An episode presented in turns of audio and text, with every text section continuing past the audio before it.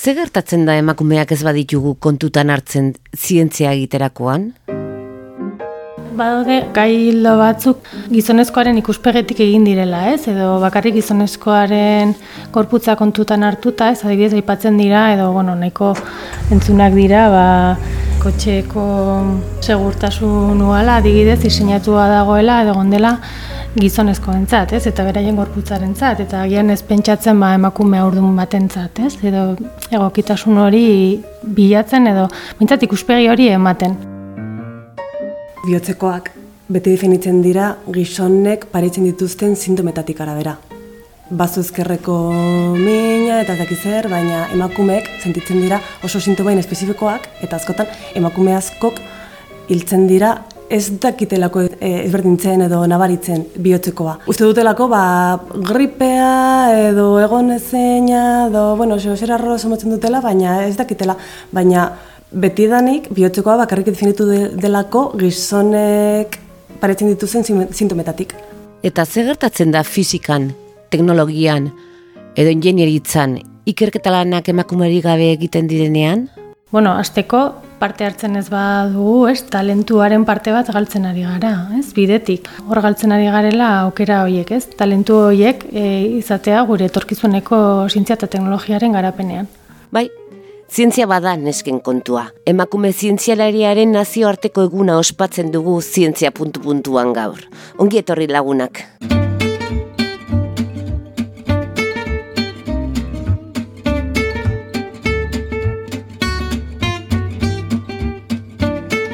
Zientzia puntu puntuan. Nafarroako Unibertsitate Publikoaren divulgazio zientifikoko podcasta. Emaio zuiaten adimenari.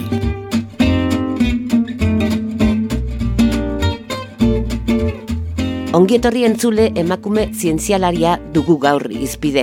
Unibertsitatetako geletan gehiago dira emakumea gizonezkoak baino. Badira ordea salbuespen garrantzitsuak eta esanguratsuak. Ingenieritzan, fizikan, matematiketan, edota konputazioan. Zergatik? Oso txikitatik neskei zientzia eta teknologia mutilen kontua direla erakusten zaielako akaso? neskentzat beste lanbide batzuk egokigagoak direla transmititzen dugulako ote? Erizaina, abokatu, ala medikua, ez ordea ingenieria, programatzailea, ala teleko. Galdera hori egin diegu Nafarroko Unibertsitate Publikoko bi zientzialariei. Maria Napal, biologian doktorea eta irantzu ze ingenieritza kimikoan doktorea zientziarien didaktika arloan ikertzen dute. Ongi etorri. Mi esker. esker. Gaur egun gezurra bat ere, egindako ikerketa guztiak diote zenbait estereotipo zabalduak daudela neskatila eta neskatzen artean. Nik uste gizonezkoei esartzen zaiela hori talentu berezia dutela horretarako edo emakumeek baino. Eta aldiz emakumeak egin dugula lana, langilea garela, ez, hori lortzeko. Emakumeak ez garela horren logikoak edo zailtasun gehiago ditugola gauza logikoak egiteko, emozionalagoak garela edo gehiago baldintzatzen gaituztela emozioek. Ez garela inonak matematiketan edo ez garela inonak orientazio espaziala behar duten jardueretan. Bai, zientzia badan esken kontua. Eta hori erakutsi nahi da, emakume zientzialarien nazioarteko egunean. Dena den gauzak ez dira nahiko genuken moduan, ez? Eta batzutan nesken presentzia eta emakume presentzia ikustarazi behar da, ez? Beste nesken ereduak izateko, bihurtzeko. Bai, nik uste ez dagoela sentzu horretan berdintasun bat edo ekitate bat, eta pixka bat eh, errebindikazio moduko egun bat izan daiteke, ez? Baina ados nago Mariarekin eta uste dut ere mundu ideal batean ez genukela ospatu beharko, ez? Nik uste dut zientzia eta teknologia e, gizarte honetan koraipatzen direla, ez? Edo garrantzia handia dutela edo ekonomiarekin erlazio handia duten gaiak direla eta beste arlo eta ti berizten dira edo garrantzi gehiago ematen zaio, ez? Eta orduan garrantzi horretan, eskala horretan, ba, emakumea ere sartzearen ideia agertzen da, ez? Zientzia puntu puntuan. Kalitate honeko ikerketa jatorrizko deiturarekin.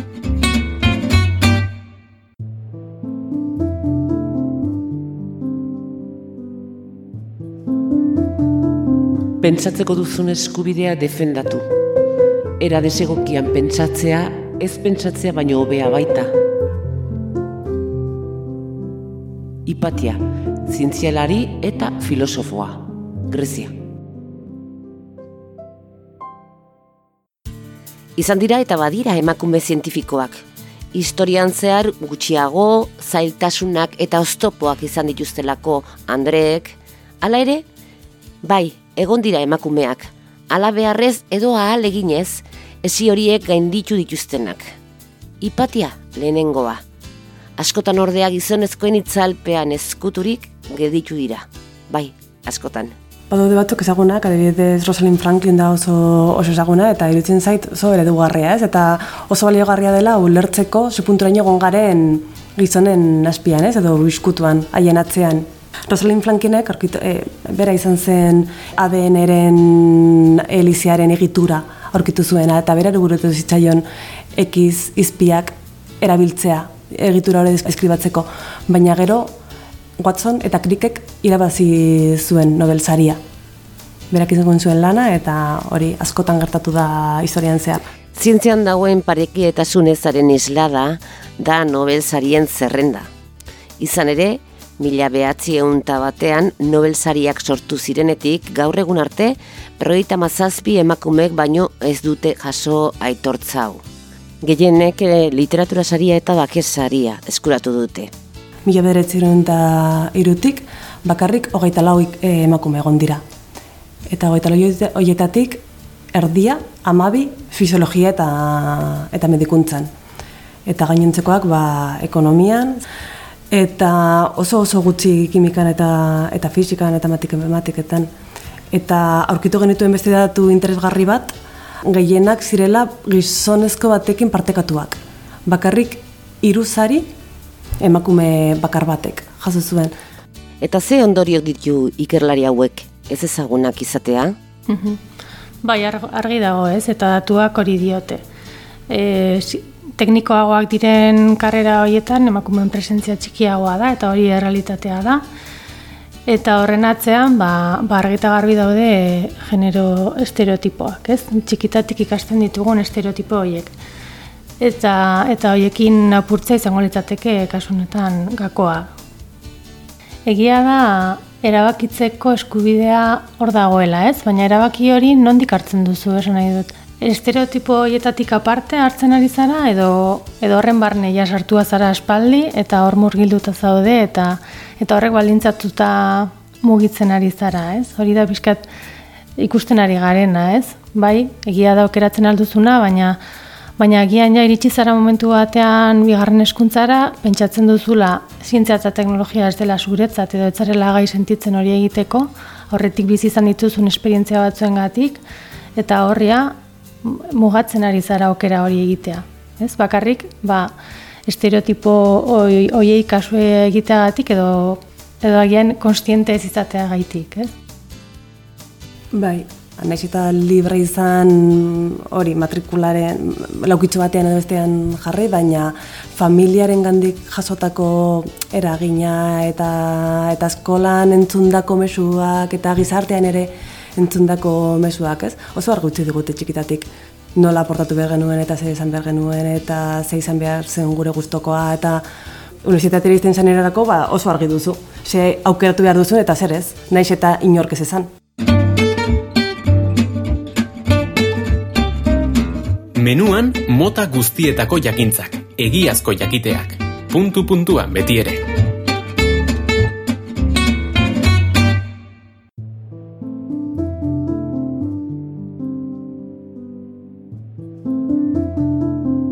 Laborategian egun osoa eman eta gero, etxera heldu eta plater loipila izatea baino txarragoa badago. Ezin izatea laborategira berriz joan. Txien xiun u fizikaren lehen dama.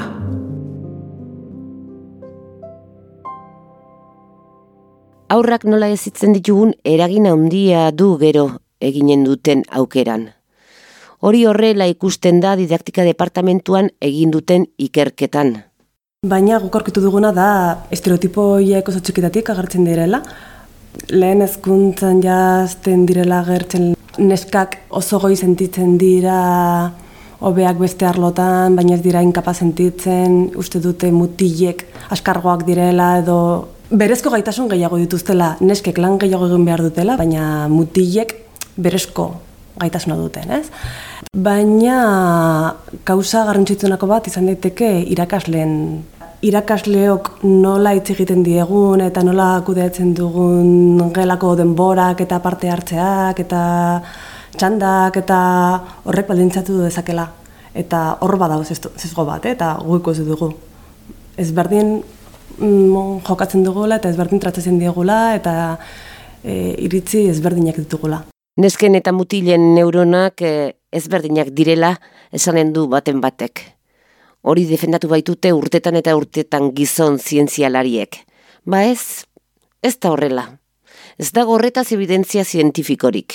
Zingo zenuke imaginatu zenbat jendek e, oraindik defendatzen duen emakumezkoen eta gizonezkoen burmuinak ezberdinak direla. Iritzi zientifikoaren kontra eta evidentzia zientifikoaren kontra, zenbat jende defendatzen du oraindik burmuin ezberdinak ditugula. Edo txikioak, edo pisutsuagoak, edo anatomikoki eta fisiologikoki ezberdinak evidentziaren kontra.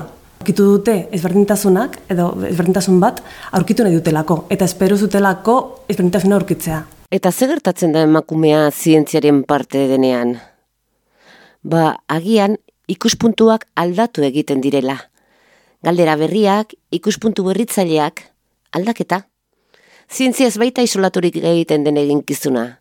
Zientzia gizarte eta kultura baten baitan egiten da teknologia ikusten da baita ere nik uste pizkat deshumanizatua, ez? Edo pizkat baiotza edo gure barretatik aparte, ez? Edo baloreetatik aparte. Orduan nik uste hor ere joan garela beste ikuspegi batetara, ez? Justizia sozialarekin zerikusia duen teknologia horren bila, ez? Azken urteetan aldarkatzen ari da tradizionalki emakumezkoen gauzak izan direnak, ez? Zaintzak, zukaldaritza eta orain arte egin dugun zientzian garrantzi gehiago izan dute ekoizpenerako edo produktibitaterako edo aberastasuna sortzeko baliogarriak diren beste gauza batzuk, ez?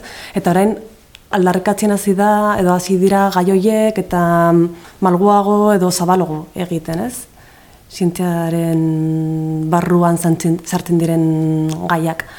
Orduan, zientziaren ikuspegia zabaldua ala, uste dut errezago zintutuko garela gure gauzare badela, interesen zaigula eta, bueno, honetan aritu nahi dugula.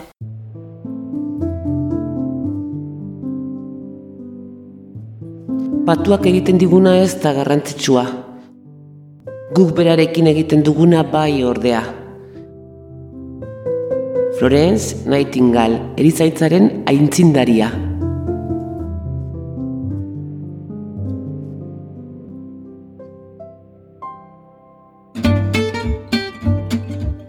Behar zatugu, bai, behar zatuztegu. Teknologo, ingeniari, fizikari, matematikari, zeren zientziak diversitatea behar du, eta gian zuek bestelako galderak eginen dituzue. Eta galderak beste modu batera eginda, zientzialariek ongi dakitenez, erantzunak ere desberdinak izanen dira. Lehentasun berriak sumatzeko balioko duten erantzunak. Oneraino gaurko gure menua, Mariana Pal eta irantzu huridiz, e, doktoreak, esker mila zientzia puntu puntuan sukaldatzen laguntzeagatik. Esker mila entzule, horregoteagatik. Izan untxa. Zientzia puntu puntuan entzun duzu. Nafarroako Unibertsitate Publikoaren podcasta gozatu zientziaz.